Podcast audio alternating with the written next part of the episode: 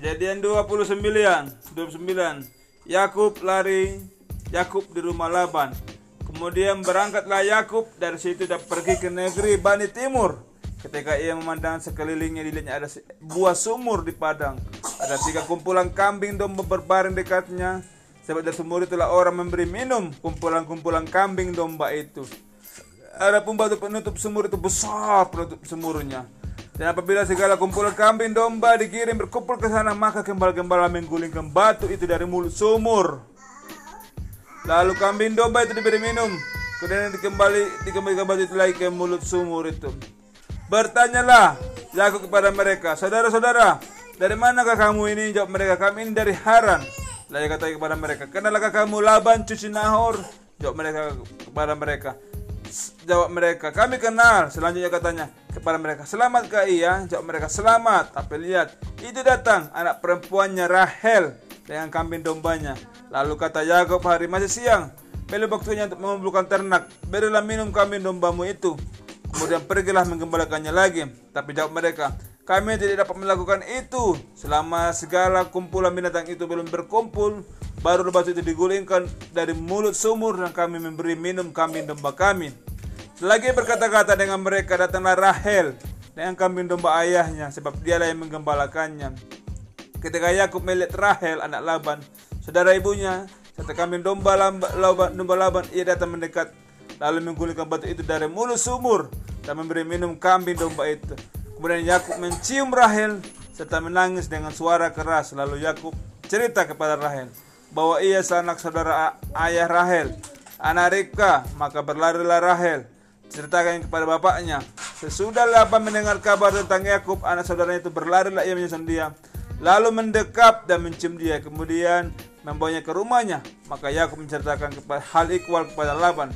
Kata Laban kepadanya, sesungguhnya engkau saudara da, sedaging dengan aku. Maka tinggallah Yakub sepadanya segenap sebulan lamanya. Kemudian berkatalah Laban kepada Yakub, Masakan karena engkau adalah sanak saudaraku, engkau bekerja padaku dengan cuma-cuma?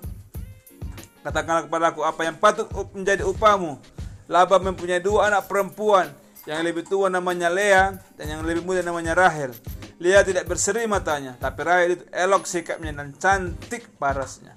Yakub cinta sama Rahel, sebab itu berkata kepada kepadanya, Aku mau bekerja kepadamu tujuh tahun lamanya untuk mendapat Rahel anakmu yang lebih muda itu. Saud Laban, lebih baiklah ia kuberikan kepadamu daripada kepada orang lain, maka tinggallah padaku.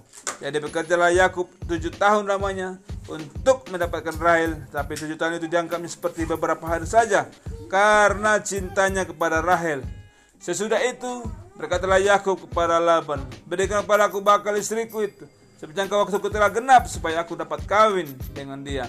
Lalu Laban mengundang semua orang di tempat itu mengadakan perjamuan tapi pada waktu malam diambilnya Lea anaknya lalu dibawanya kepada Yakub. Maka Yakub menghampiri dia. Lagi pula Laban memberikan jilfa budaknya perempuan kepada Lea anak itu menjadi budaknya. Tapi pada waktu pagi tampaklah bahwa itu Lea. Lalu berkatalah Yakub kepada Laban, Apakah yang kau perbuat terhadapku ini? Bukankah untuk mendapatkan Rahel aku bekerja padamu? Mengapa kau menipu aku? Jawab Laban, tidak biasa orang berbuat sedemikian di tempat kami ini. Mengawinkan adiknya lebih dahulu daripada kakaknya. Kenapilah dahulu tujuh hari perkawinanmu dengan anakku ini? Kemudian anakku yang lain akan kuberikan kepadamu sebagai upah Asal engkau bekerja pula padaku tujuh tahun lagi. Maka Yakub berbuat demikian. Ia menggenapi tujuh hari perkawinan dengan Lea Kemudian Laban memberikan kepadanya Rahel Anaknya itu menjadi istrinya. Lagi pula Laban memberikan Jilbilha budaknya perempuan kepada Rahel Menjadi budaknya. Yakub mengapiri Rahel juga. Malah ia lebih cinta sama Rahel daripada pada Lea. Demikian bekerja pula pada Laban tujuh tahun lagi. Anak-anak Yakub, ketika Tuhan melihat bahwa Lea tidak dicintai, dibukanya lah kandungannya, tetapi Rahel mandul. Lea mengandung lalu melahirkan seorang anak laki-laki, namanya Ruben. Katanya sesungguhnya Tuhan memperhatikan kesengsaraanku. Sekarang tentulah aku akan dicintai oleh suamiku.